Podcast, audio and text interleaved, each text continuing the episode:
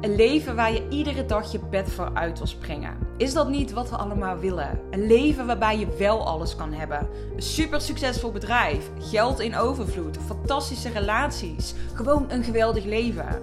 Ja, dat is mogelijk, alleen het komt niet vanzelf. Mijn visie is dat er één ding cruciaal is om dat mooiste leven te creëren.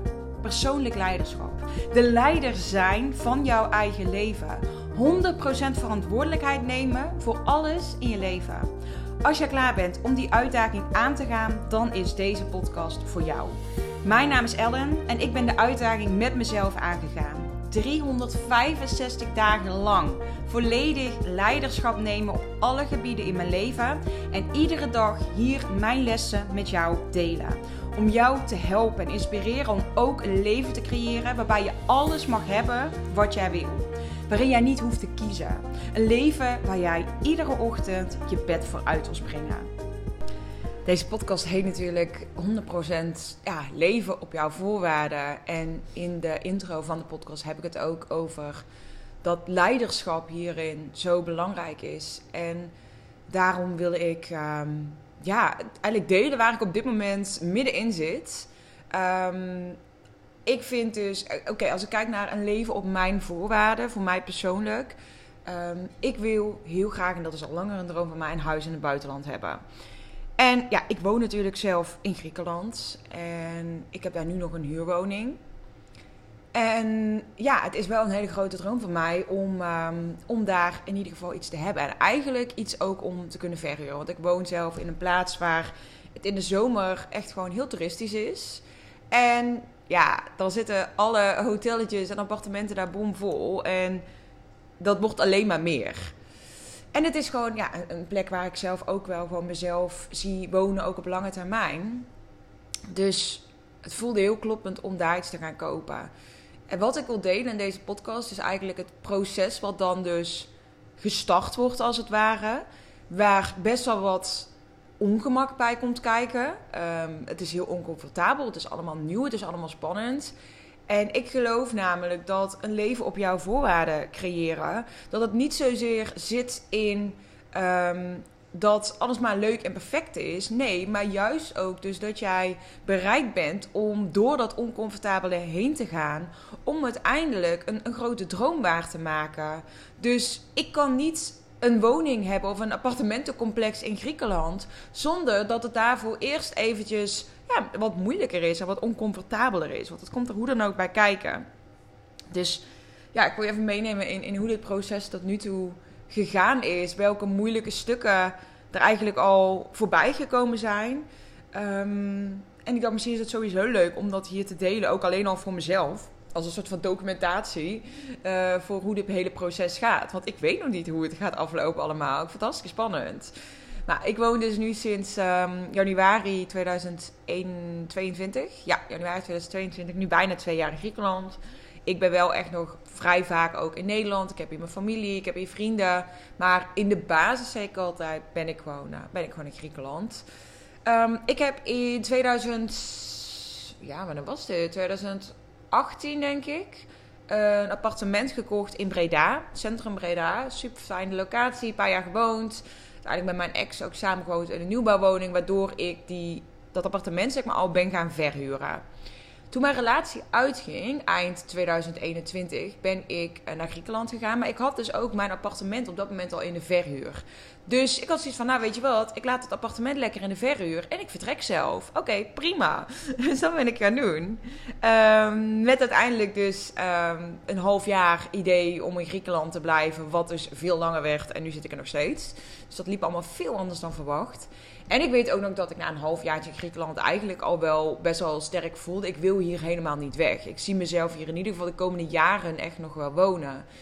En ja, dat, dat was natuurlijk ook best wel een proces. Ook als ik kijk naar mijn omgeving. Ja, weet je, iedereen was er toch best wel aan gewend dat ik gewoon ja, nooit het verlangen had om in het buitenland te wonen. En niemand zag mij eigenlijk, denk ik, ook als een type wat dat zou doen. Sterker nog, ik zag mezelf ook niet als iemand die in het buitenland zou wonen. Totaal niet zelfs. Maar ja, het is wel zo gegaan en zo gegroeid. En uiteindelijk kwam het dus ook op een punt van, ja, wat wil ik? En toen ben ik dus, heb dus besloten om echt langer te blijven. Dus weer eigenlijk gewoon een jaar mijn huur destijds verlengd. En nu, um, ik moet even goed zeggen, in augustus, nee, september waren mijn, uh, mijn ouders me ook weer komen opzoeken. Die komen gelukkig ook echt wel regelmatig langs. Vind ik ook echt heel erg leuk. Um, en toen hadden we het er ook over van. Ik had het al langer in mijn hoofd van ja, ik zou best bijvoorbeeld mijn appartement in Nederland willen verkopen en iets in Griekenland willen kopen. Maar ik vond dat ook heel erg spannend. En ik had ook zoiets van: het voelt zo groot en definitief. En ja, toch ook wel een stukje van: ik, ik weet dat bijvoorbeeld ja, mijn moeder dat ook niet leuk zou vinden. Um, dus ik was daar ook best wel bezig met, met andere mensen. Dus dat is voor mij ook gewoon een, echt een proces geweest. Van als jij zelf hele grote verlangens en dromen hebt die oncomfortabel zijn voor jou. En misschien dus ook voor jouw omgeving niet leuk zelfs. Kan dat best wel moeilijk zijn om daarvoor te gaan. En ik ben heel blij dat ik toen eens met mijn ouders op een gegeven moment een gesprek hierover heb gevoerd. En dat zij, dat volgens mij mijn vader of mijn moeder echt over voorstellen van ja, misschien kun je wel je appartement verkopen. En ik weet ook dat zij dat zei. En dat ik echt dacht, oh, zo blij dat jullie dit zeggen. Dat voelde echt als een soort van goedkeuring. Achteraf denk ik, ja, die goedkeuring voelde ik op dat moment dat ik die nog nodig had. Um, is dat dan helemaal leven op je eigen voorwaarden? Nee, vind ik niet. Dus ik weet dat dat iets is waar, uh, waar ik me soms nog te, te veel laat leiden door wat mijn omgeving ervan vindt. En ik zeg wel mijn omgeving, maar ik denk dat het bij mij toch vooral ja, toch wel mijn ouders zijn. Ik vind hun mening belangrijk. Ik heb een hele goede band met mijn ouders en ik wil dat dat zo blijft. En uh, ik denk dat dat heel normaal is, ook al ben ik nu 31. Ik denk dat dat iets is wat, wat heel normaal en heel natuurlijk is, dat de mening van je ouders belangrijk voor je is. Um, ik ben me er ook heel erg van bewust op dat soort momenten van oké, ik laat me hier dus nog wel door leiden. En wat ook een hele interessante is, ik had dat gesprek nooit met hen gevoerd. Ik had nog nooit tegen hun gezegd, hey, ik heb wel eens in, mijn gedachten van misschien ik dat appartement zou kunnen verkopen. Totaal niet. Dus ja, dat, dat is natuurlijk ook wel interessant. Maar in ieder geval, um, even, ja, hoe noem je dat? Uh, fast forward? Ja, fast forward naar nu, december. Ik heb dus in uh, september dat gesprek uh, met mijn ouders er ook over gehad. Ook gewoon even gaan kijken van hey, wat zou dan praktisch mogelijk zijn. Um, ik heb zelf geen hoge hypotheek meer op het appartement. Behoorlijke overwaarde waarschijnlijk. Want ja, ik heb het gekocht in 2018. Nou, de tijden zijn echt totaal anders. Dus ik zou dat met uh, flink hogere prijs kunnen verkopen. Um, en nu is dus het hele proces eigenlijk in, in gang gezet van ja, alles uitzoeken. En ik moet zeggen, dit is zo, zoveel meer werk. En ik had het echt heel erg onderschat. Als ik even heel eerlijk ben, ik had het onderschat. Wat er allemaal bij zou komen kijken. Um, ja, dat, dat het ook zeg maar juridisch gezien is het niet zo makkelijk. Van oh, je koopt even een huis in het buitenland. Maar ik sta er gewoon in Nederland ingeschreven. Ook omdat ik dus nog meerdere weken per jaar in Nederland gewoon verblijf. Bijvoorbeeld komende zomer ben ik ook twee maanden in Nederland. Dus dat kan juridisch gezien dus nog. Uh, dat wil ik eigenlijk ook. Tot ik in ieder geval bevallen ben, denk ik dan maar. Nu lijkt het net alsof ik zwanger ben, dat ben ik niet. Maar meer, ik wil uiteindelijk kindjes krijgen wel. Of een kindje, denk ik. En dan uh, wil ik dat wel heel graag in Nederland. Ik wil niet in Griekenland um, in een ziekenhuis bevallen. Die heb ik wel heel helder voor mezelf. Dus tot die tijd wil ik gewoon officieel in Nederland ingeschreven blijven.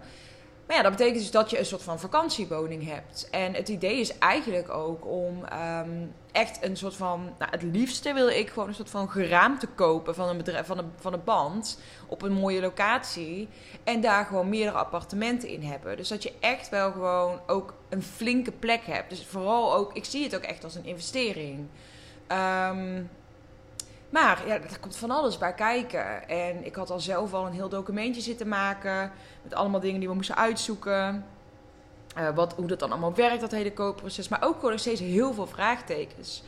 En gisteravond ging ik met mijn vader zitten. En gingen we toch weer eens even dat, dat financiële aspect bekijken. Dus hé, hey, wanneer is het interessant? Uh, wat zijn dan bijvoorbeeld de vierkante meterprijzen? Welke kosten heb je allemaal? Wat betaal je aan belasting? Wat is dan uiteindelijk je rendement? Want ja, het is natuurlijk hartstikke leuk een appartementencomplex hebben en dat gaan verhuren. Maar op het moment dat je rendement hoger is wanneer je het in aandelen stopt, of hoger is wanneer het op je bankrekening staat en um, je hebt er nu steeds heel veel werk aan, kijk, kijk, dan is het natuurlijk niet interessant. Het idee zou overigens ook zijn dat mijn vriend zeg maar echt het werk gaat doen wat erbij komt kijken. Dus uh, zijn vader werkt bijvoorbeeld in de bouw. Dus hij gaat waarschijnlijk ook, als wij echt zo'n opknap, als ik echt een opknap pand ga kopen, zal hij waarschijnlijk ook met zijn vader veel zelf kunnen doen. Waar je natuurlijk superveel op kan besparen. Um, daarnaast heeft hij natuurlijk alle connecties daar. En uh, ja, dat, dat is gewoon super fijn. Ik zou dit niet durven als ik niet zelf uh, connecties zou hebben in Griekenland. Ik zou, ja, ik zou dat niet aandurven. Kopen gaat daar ook heel anders dan hier. Bijvoorbeeld in Griekenland is het zo dat jij als koper verantwoordelijk bent voor de grond. Als in, stel je voor dat, nou, Nederland zou dat gewoon niet kunnen, maar stel je voor in Griekenland kan het dus zo zijn dat jij bijvoorbeeld een stuk grond wil kopen en dan kan het dus zo zijn dat blijkt dat er tien jaar lang geen belasting betaald is op die grond. In Nederland zou dat dan eerst al niet kunnen gebeuren, neem ik aan. Maar in Nederland ben je dan als verkopende partij verantwoordelijk daarvoor. In Griekenland ben je als kopende partij verantwoordelijk. Dus stel jij koopt dat pand en je hebt dat niet laten uitzoeken, dan zit jij misschien ineens met een belastingsschuld van 10 jaar op de grond die jij zojuist gekocht hebt.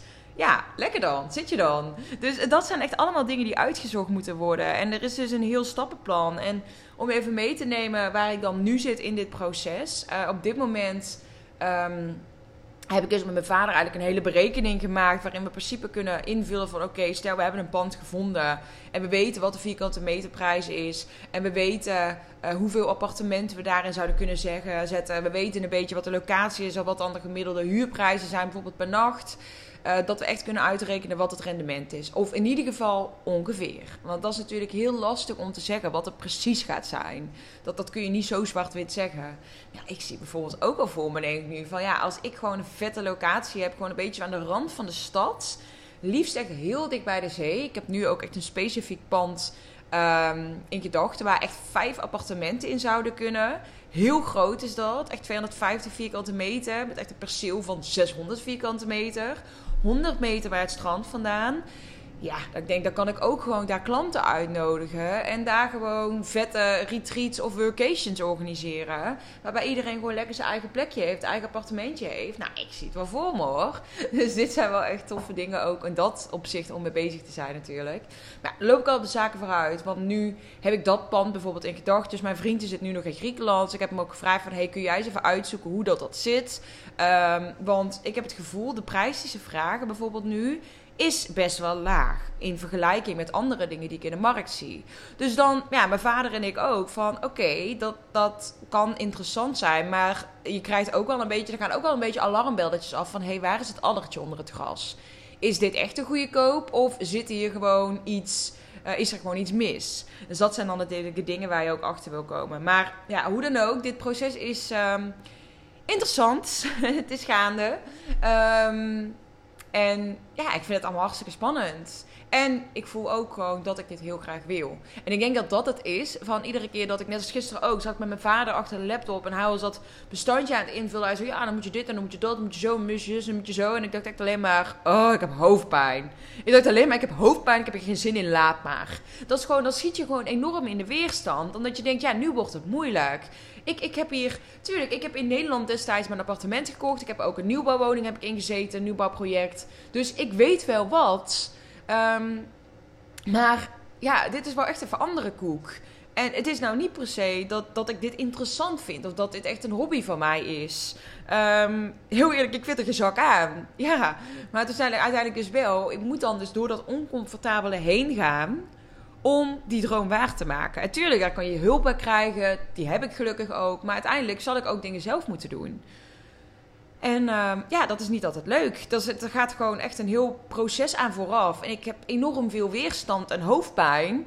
Maar ik weet wel, oké, maar Elle, als dit is wat jij wil, dan zul jij hier doorheen moeten gaan. Om dus inderdaad een leven op jouw voorwaarden te leven. Dan horen dit soort fases erbij.